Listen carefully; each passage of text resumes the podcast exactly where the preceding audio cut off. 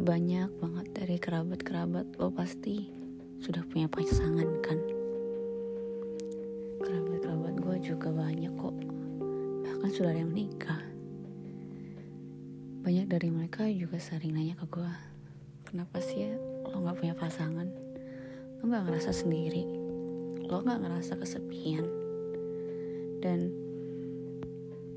gue awalnya diam dan berpikir kenapa emangnya gak ada yang mau sama gue. Ya gue juga tahu diri kali ya. Tapi di saat itu juga hati gue berkata kalau dia tuh lagi males untuk jatuh hati lagi. Males untuk sakit hati. Males untuk mencari hati yang bisa dipertahankan. Dan juga males menahan suatu hati. Karena nyokap gue juga pernah bilang hati-hati ya kamu sama hati.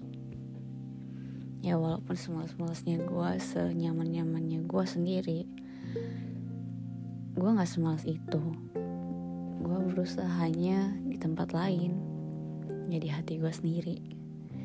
Berusaha untuk membahagiakan diri sendiri membahagiakan orang tua dan membahagiakan orang-orang yang sayang sama gue karena jujur membahagiakan orang-orang yang sayang sama gue itu jauh lebih berharga dibanding mencari perhatian suatu sese seseorang yang gak pasti.